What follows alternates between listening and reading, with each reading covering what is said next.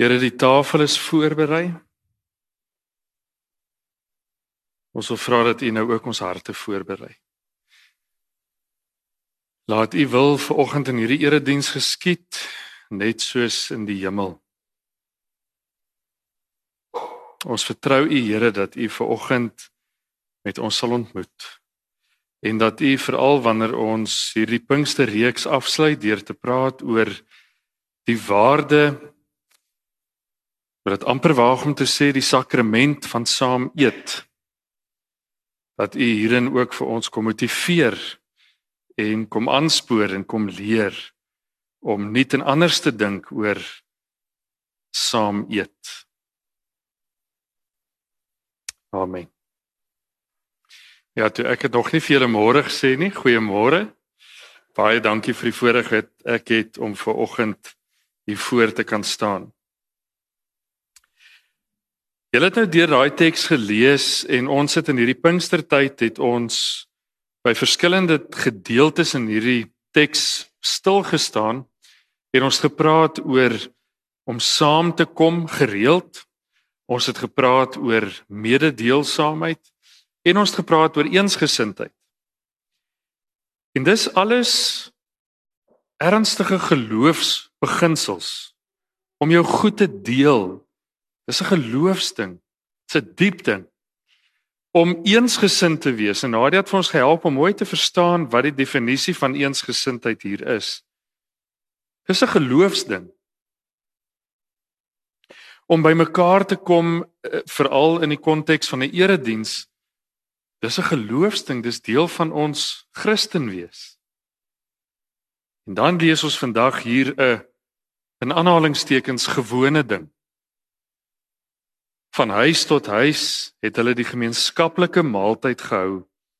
Hulle kos met blydskap en in alle eenvoud geëet. En ek wil vandag stil staan by hierdie kos, hierdie saam eet. Nou ja, die van julle wat nou al saam met my geëet het, weet dat ek hou van kos. Ek is nie bang om te eet nie. Mense kan dit sien ook. Uh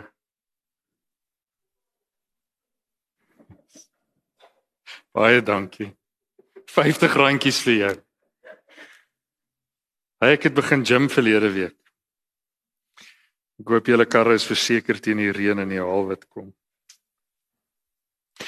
Ek wil hê julle moet ver oggend met my baie geduldig wees. Ons gaan ver oggend baie filosofies en teologies en dogmaties praat. Dit is verskriklike moeilike woorde net om te sê. Ons gaan vandag regtig moeite doen om regtig agter die skerms te gaan kyk van wat gebeur wanneer ons saam eet om 'n tafel. Wat gebeur in ons koppe? Wat gebeur daar waar ons nie kan sien nie? So just bear with me. Ek gaan dit mooi saambring. Maar ons gaan hom so bietjie filosofies uitpak. Die interessante is dat die drie dinge wat 'n mens of enige lewende organisme kom ons praat maar van diere en mense. Nodig het om te leef en aan te hou leef is 'n hartklop iets wat bloed kan sirkuleer. Kom ons praat nou van mense. Jy het 'n hartklop nodig. Jy het suurstof nodig. En jy het kos nodig. Jy het voeding nodig. Nou as iemand se hart ver oggend sou gaan staan terwyl ons hier by mekaar is gaan ons almal uitvriek en dit gaan vir ons almal 'n verskriklike traumatiese ervaring wees. En ek en Nadia was al in so 'n situasie gewees. In die erediens, die oom wat saam my trompet gespeel het wat 'n hartaanval gehad het toe ons helder skyn die lig vir die nasie se laaste noot speel. Dis verskriklik. As een van ons nou hierso sou sit en net ophou asemhaal gaan ons almal net so benoud raak soos die persoon wat ophou asemhaal want die persoon is besig om dood te gaan. Maar as ons net nou vanoggend ophou eet, dan gaan 'n paar van die vrouens vir die man sê ek is trots op jou. Maar eet is net so belangrik as suurstof en 'n hartklop. So ons moenie wanneer ons oor kos en oor die handeling van eet praat te ligtelik daaroor dink nie. Dis ernstig. Want dit is een van die belangrikste dinge wat lewe in stand hou. So besef net vir oggend dat kos nie net 'n toevalligheid is nie. Dis net so belangrik so suurstof en 'n hartklop. Nou obviously weet die Here dit. Hy het ons so gemaak. Maar ek dink die Here leer ook vir ons dat daar iets dieper is as dit kom by kos. Behalwe vir die feit dat dit jou aan die lewe hou. En die Here gee dit weg op 'n baie subtiele en 'n mystieke manier amper. En as ons kyk hoe Jesus geleef het op aarde, hoe hy gedink het oor saam eet geleenthede en oor kos, moet ons ver oggend 'n paar daarvan net uitlig. Wat presies hy vir ons probeer nie probeer nie, wat hy presies vir ons illustreer oor saam eet, verstaan ek nie heeltemal nie en ek dink ook nie jy gaan dit heeltemal verstaan nie. Ek dink nie dit is vir ons bedoel om verstaan te of dit is nie bedoel om verstaan te word nie. Maar daar's sekere dele of dinge wat Jesus doen wat my laat vermoed dat hy iets weet as God oor die waarde van saam eet wat ek en jy nie weet nie. En daarom moet ons ver oggend dit net so bietjie probeer oopkrap. Kyk byvoorbeeld wat doen Jesus met sondaars? Met prostituie. Ek is baie lief daarvoor om die die 3 P's in dieselfde sin te gebruik. Prostituut, predikant en prokureur. Dis wel half die uiterstes. Jesus het saam met sulke mense geëet. Sondaars, nie dat ek sê prokureurs is sondaars nie. Ons is almal sondaars, maar Jesus het gekies om saam met die mense te eet vir wie die fariseërs en die skrifgeleerdes hulle neuse opgetrek. En Jesus het baie kritiek gekry oor die mense saam met wie hy kies om aan tafel te wees. Ons lees baie in die evangelies hoe die mense, die fariseërs en die skrifgeleerdes, die slim heilige ouens in aanhalingstekens op 'n afstand kyk wat Jesus doen en hom dan kritiseer onder mekaar en sê kyk saam met wie sit hy? Hy kan mos nie saam met daai klomp mense eet nie. Hoekom nie? Wat is so verkeerd daaraan om saam met sondaars te eet is daar iets rondom eet wat ons nie verstaan nie is daar rede hoekom Jesus as prins tye en geleenthede skep waar hy saam met hulle juis kan eet. Hy kon gegaan het en hierdie klomp sondaars bymekaar gemaak het en die skrif gaan haal het en vir hulle geleer het. Maar hy het saam met hulle geëet. By vele kere het hy saam met hulle geëet. Hy het hulle geleer, maar hy het ook saam met hulle geëet. Wat doen Jesus met Saggeus? Nadat hy vir Saggeus uit die boom uitroep, wat sê hy vir hom? gaan sit die stoof aan. Ek kom by jou eet vanaand. Nie 'n verskriklike debat tussen Jesus en Saggeus nie. Saggeus gaan gemaak vir ons kos. Vanaand kom sit ek by jou tafel aan. Why? Dieselfde met Matteus. Een van die eerste dinge wat Jesus en Matteus saam gedoen het, was nie evangelisasie werk nie. Hulle het nie saam gehoorship nie. Hulle het saam geëet. En dan 'n besondere ene wat ons in hierdie tyd ook baie bewus van is, is die die laaste maaltyd wat Jesus saam met sy disippels gehad het. Laat dit net gou vir 'n oomblik insink. Jesus kies om sy laaste oomblikke saam met sy volgelinge in 'n gewone vertrek te spandeer waar hulle aanleun, julle sal nou sien waar kom die aanleun aan 'n tafel en saam te eet. Hoor die significance daarvan. Ek gaan dit weer sê, die laaste ding wat Jesus kies met sy goddelike insig is om saam met mense te eet voordat hy gearresteer word. Why? sien julle hoekom ek sê daar moet iets wees wat Jesus weet oor saam eet wat ek en jy nie weet nie. Ons dink saam eet is maar net om jou maag vol te kry dat jy krag het vir die dag. So in die oggend voordat ons skool toe gaan, paas ons die kinders se papbakke soos frisbees vir hulle. Ek hardloop deur die stort. Ek wil nou sê skeer, maar julle sien ek skeer nie. Tussen die skoene aantrek en die beld vasmaak, sit jy met 'n piesang of 'n smoothie en ons rammel dit net so af. Want ek moet net kos in my maag kry. Dan mis ons nie iets nie. Kyk gou hierdie Handelinge teks weer. Ek gaan hom nou isoleer dat ons die spesifieke vers sien. Nou wat ek gedoen het ek was so beïndruk met Nadia se Grieks vroeër die week dat ek toe nou nie wou afsteek vir oggend nie, so het ek net my Griekse Bybel ook gaan nader sleep en al die woordeboeke en Google in elk geval. En daai gedeelte gaan vertaal op 'n direkte manier. En dit was vir my 'n aha oomblik. Dis hoe die teks in Grieks lees. Hulle het is nou maar voor dit Onthou Grieks se volgorde is mos nou 'n bietjie anders, so verskoon dit. Hulle het gebreek by elkeen se huis brood. En hulle het deelgeneem aan die rantsoen met ekstatiese blydskap en opregtheid van hart. Nou toe ek besef dat die woord rantsoen daar gebruik word, het ek onmiddellik gedink aan die onsse Vader gee ons vandag ons daaglikse brood. Dis 'n rantsoen. Dis iets wat ek gegee word vir daardie dag. Hulle het met ekstatiese blydskap deelgeneem aan die rantsoen van elke dag. Beautiful.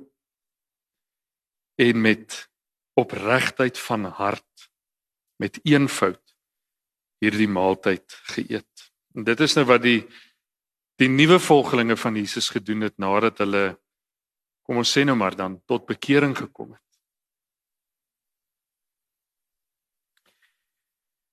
Kom ons kyk nou diep agter die skerms. Wat gebeur wanneer mense dit doen?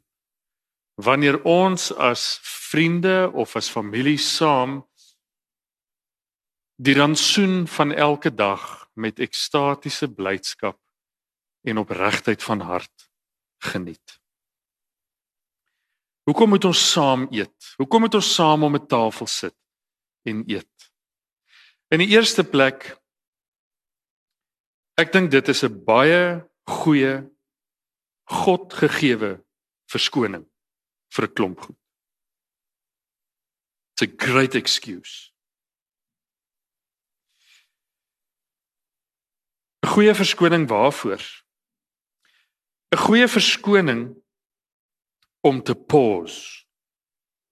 Om vir 15 of minute of 'n halfuur of 'n uur doelbewus die alledaagse ritme van jou lewe te pause. Terug te kom en present te wees in hierdie oomblik. Want ons sukkel met dit. Ons leef gefragmenteerd en gesegmenteerd en ons gaan deur die hele dag soos 'n seekat met 'n klomp arms net om al die balle in die lug te hou. En terwyl ek hierdie ding doen, is my kop al besig om hierdie ding uit te sort, is my kop al besig om hierdie probleem op te los. Probeer ek onthou van dit en probeer ek beplan vir dit. So.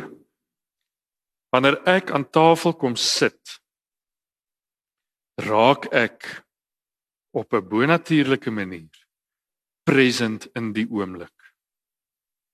Miskien het dit daarmee te doen dat ek kom sit dat ek nie vrylik kan rondbeweeg nie, dat dit my brein programmeer om vir my te sê luister, kom net bietjie terug. Kom net bietjie hiernatoe. Wees net 'n bietjie present. En ek seker daarvan jy het al ervaar dat wanneer 'n mens van 'n etenstafel af opstaan, sien jy weer kans vir 'n klomp dinge. Dis hoekom mens baie keer na middagete behalwe dat jy moeg is, as jy klein hondjies siekte het, maar dat 'n mens na middagete weer na 'n lang oggend se werk opnuut produktief kan wees. Dis net omdat jy jou brein geprogrammeer het om net 'n bietjie te wow en teenwoordig te wees. Dis ook 'n goeie verskoning om mekaar in die oë te kyk. Die ou wat 'n tafel ontwerp het, het nie 'n moeilike job gehad nie, maar hy het 'n baie goeie job gedoen.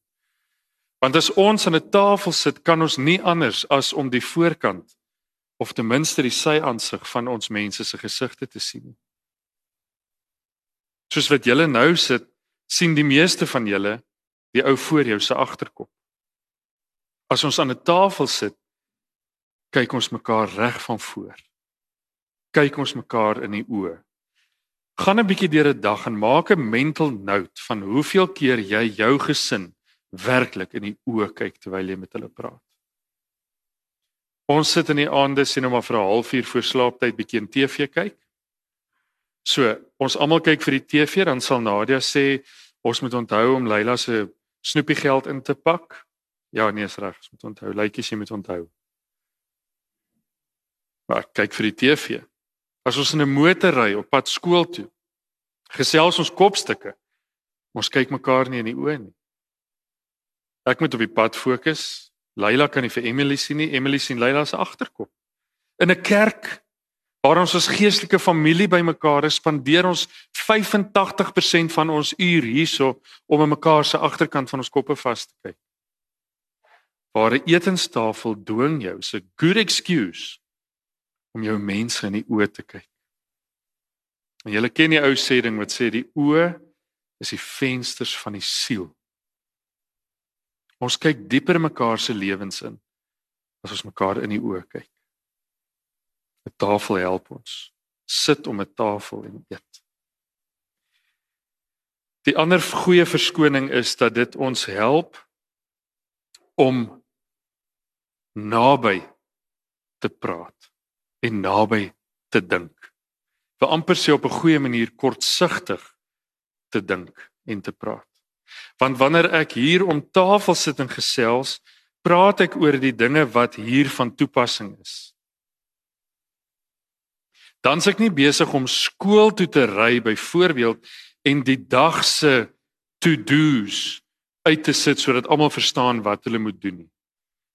Nou, die van julle wat nou nog jonk kinders het, sal weet in die oggend as jy moet klaarmaak vir skool en vir werk, dis chaos. Ek dink dis wanneer 'n mens die meeste gesegmenteerd leef en verby mekaar leef. Want terwyl jy jou eie hare moet kam, moet jy daai ene help om nie tandepasta op haar skoolbaadjie te mors nie. En terwyl sy dit doen, moet jy gang afskree. Emily, eet nou jou pap, ons gaan laat wees vir skool, maar in die tussentyd het jy twee verskillende kouse aan. Die kat het opgegooi in die gang. Dis chaos.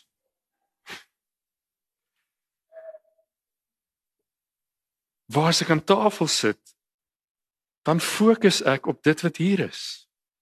Ek bring my gedagtes wat so is en wat ver is, bring ek net bietjie terug.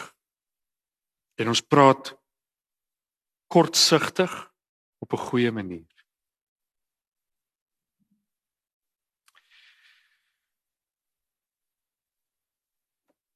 Van die ander goed wat mooi is wat gebeur wanneer ons om 'n tafel sit en saam eet. En nou moet julle nie vir my beskuldig dat ek 'n evolusionis is nie. Alraight. Maar julle sal hoor tussen die lyne van wat ek nou gaan sê, is daar ietsie van 'n o, oh, beweeg op gevaarlike grond hier. 'n trop kultuur. Okay, trop leeu, ag trop leeu, se pride of lions, wat is dit in Afrikaans? Leeu's? Trop leeu's. Okay, of 'n skoolvisse. Of 'n uh, 'n battery wat? Wat is 'n battery? Een of ander voël? Kom, waar is die Afrikaanse juffrouens? Nee nee nee, iets is 'n battery iets. Ek beloof julle ek gaan dit vir julle op ons gemeentegroep sit. Watch me. Julle gaan spyt wees. Kom ons sit geld hier op. Waar is die collector bordjie? I promise you it's a battery of something. Ek gaan 'n battery van remotes. Kryf jou 'n Apple TV, dis baie eenvoudiger. Alraai, ek gaan dit nou nou onthou. Iets hiervan sien 'n mens baie duidelik in tropdiere. Maar ek sien dit ook by die mens. En ek dink tog in ons wese is ons ook maar trop mense. Ons is nie alleenstaanders nie. Ons is familiemense, ons is vriendekring mense, ons is gemeenskapsmense, ons is maar trop mense. Een of 'n paar dinge wat gebeur wanneer ons as 'n trop, as 'n tribe saam eet, as 'n gesin, as 'n familie saam eet, is dat ons ons behoeftes of ons nood aan voeding, aan kos deel met mekaar.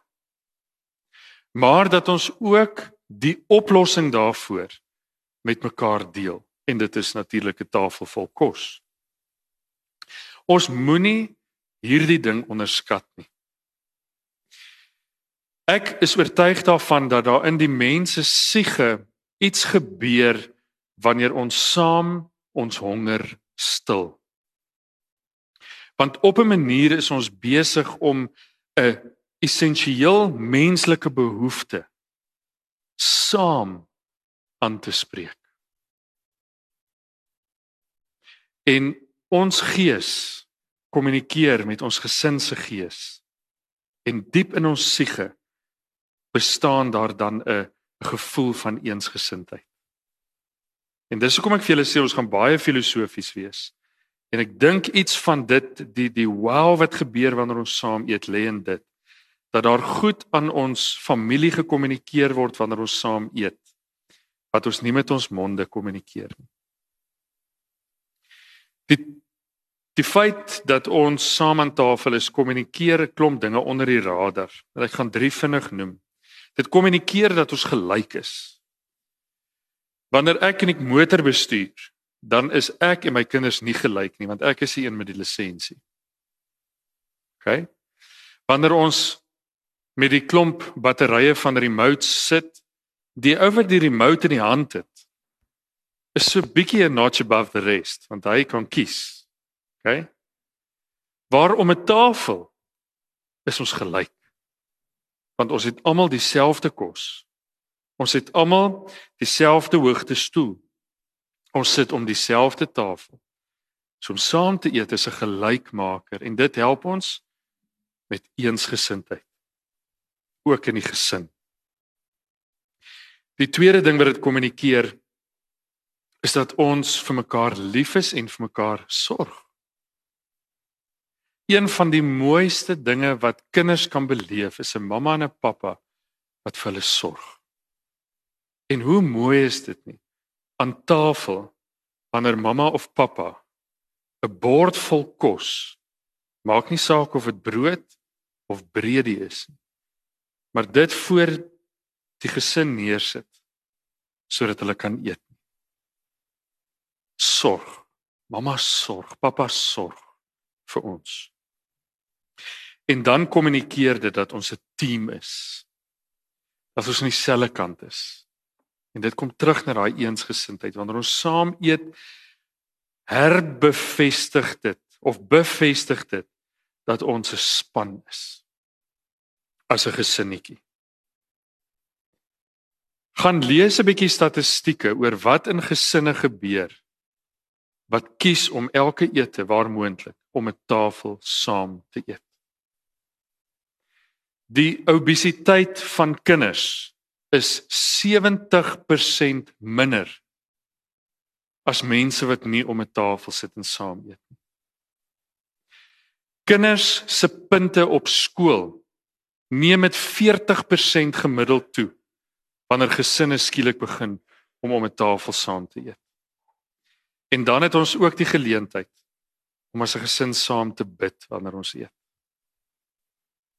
Nou in ons kultuur het saam bid voor 'n ete 'n gewoonte geraak en dit is so hartseer.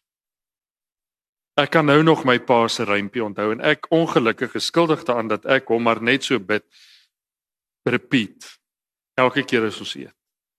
Dankie Here vir die kos wat ons het om te eet. Sien ons met die gebruik daarvan asseblief aan. Seën Vader wat ons het, gee dat ons U naam nooit vergeet. Seën Vader wat ons eet dat ons U naam nooit vergeet, nê. Nee. En dan is daar daai mense wat wat obviously ehm um, baie avontuurlustig is wat bid en sê dankie vir die kos wat ons het Maak ons opreg dankbaar daarvoor. Weet jy wat jy bid? Dink bietjie mooi wat jy vir die Here vra as jy dit bid. Maak my dankbaar vir hierdie kos. OK. So dan gaan ek 'n bietjie wegvat.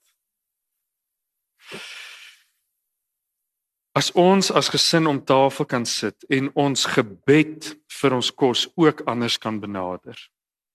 Beloof ek vir jou dat jou egskeidingssyfer wel sal afneem. Dat jy as 'n gesin nader aan mekaar gaan voel. Dat die die wrywing en die eruptions in die in die gesin drasties gaan afneem. Gaan traai dit. As ons ons saam bidtyd meer as 'n rympie kan maak, as ons dit kan sien as 'n Godgegewe gap waar binne ons vir die Here kan dankie sê nie net vir ons kos nie, maar vir ook vir dit wat ons deur hierdie dag beleef het. Dat ons in daai oomblik wat ons hierdie gap het om as 'n gesin saam te bid, dat ons ook voorbidding doen vir iemand of vir iets in daai tyd. Nie net vir onsself nie. Sommige net so 'n laaste kant opmerking. Is my so mooi dat ons bid voordat ons eet. Hier daar's mense wat na die tyd ook bid.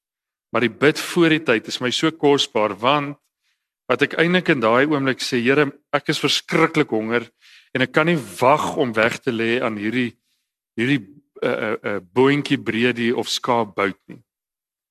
My mond water. Net soos ek hier praat water my mond, maar ek gaan vir 'n oomblik my behoeftes tweede stel. En ek gaan eerste met my God praat. Beautiful. Dit help ons ook te, om te re-establish dat God voor my kom. Kom ons vat dit terug na die Bybel toe. Ons het nou klaar gefilosofeer.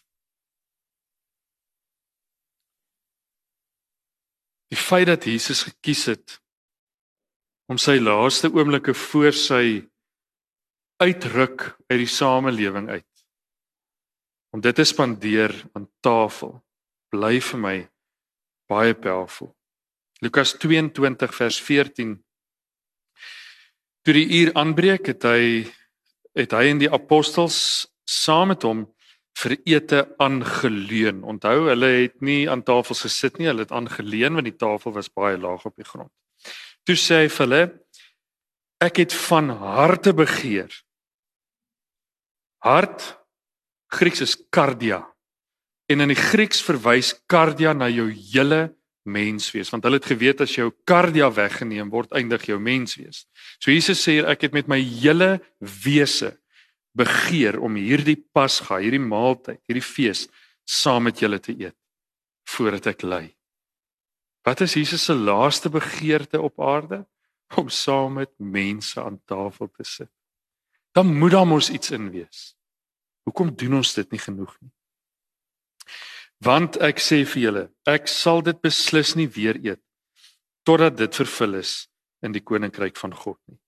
Daarna het hy 'n beker geneem en nadat hy gedank het, gesê: "Neem dit en deel dit onder mekaar, want ek sê vir julle, van nou af sal ek beslis nie weer van die vrug van die druiwestok drink totdat die koninkryk van God gekom het nie." En hy het brood geneem en nadat hy die seëngebed uitgespreek het, breek hy dit en gee dit vir hulle en sê: "Dit is my liggaam wat vir julle gegee word." Hoor gou die mooi hierin. 'n Pasga maaltyd het tipies en tradisioneel bestaan uit boontjie breedie, lamsvleis, vis of 'n vissous sop, ongesuurde brood, olywe en nie enige wyn nie. Besondere wyn, die beste wyn. En wanneer Jesus van hierdie spread af iets moet kies om 'n metafoor te word, 'n teken te word van sy liggaam wat gebreek gaan word, kies hy die eenvoudigste ding op die tafel. Ongesuurde brood. Sê maar net. So ook het hy die beker na ete geneem met die woorde: Hierdie beker wat ter wille van julle uitgegiet word, is die nuwe verbond deur my bloed. En dan verstaan ons weer as ons terugkom na hierdie teks dat hoe Jesus gedink het oor saam eet en hoe die volgelinge van Jesus na sy hemelvaart wel saam geëet het 100% met mekaar verband hou. Presies dit wat Jesus geillustreer het daardie laaste aand aan tafel. So het dit gebeur vir die eerste ouens wat kerk moes wees. Wat het gebeur aan aan die laaste tafel? Jesus het gesê dat hierdie vir hom besonder spesiaal is. Hy begeer met sy wese om dit te kan hê. So dit is waardevol. Maar hy het ook iets rondom die eenvoud daarvan gewys toe hy brood kies as 'n teken van sy liggaam. En dis presies wat hulle gedoen het. By elkeen se huis brood. Eenvoud. Hulle die rantsoen met ekstatiese blydskap en opregtheid van hart. Ons het dit vertaal in die 83 as met eenvoud geëet. Ek wil jou aanmoedig vir oggend vanuit die filosofie en die teologie net om te vra Don't take my word for this. Doen moeite om 'n tafel terug te bring as dit nie in jou gesin is nie.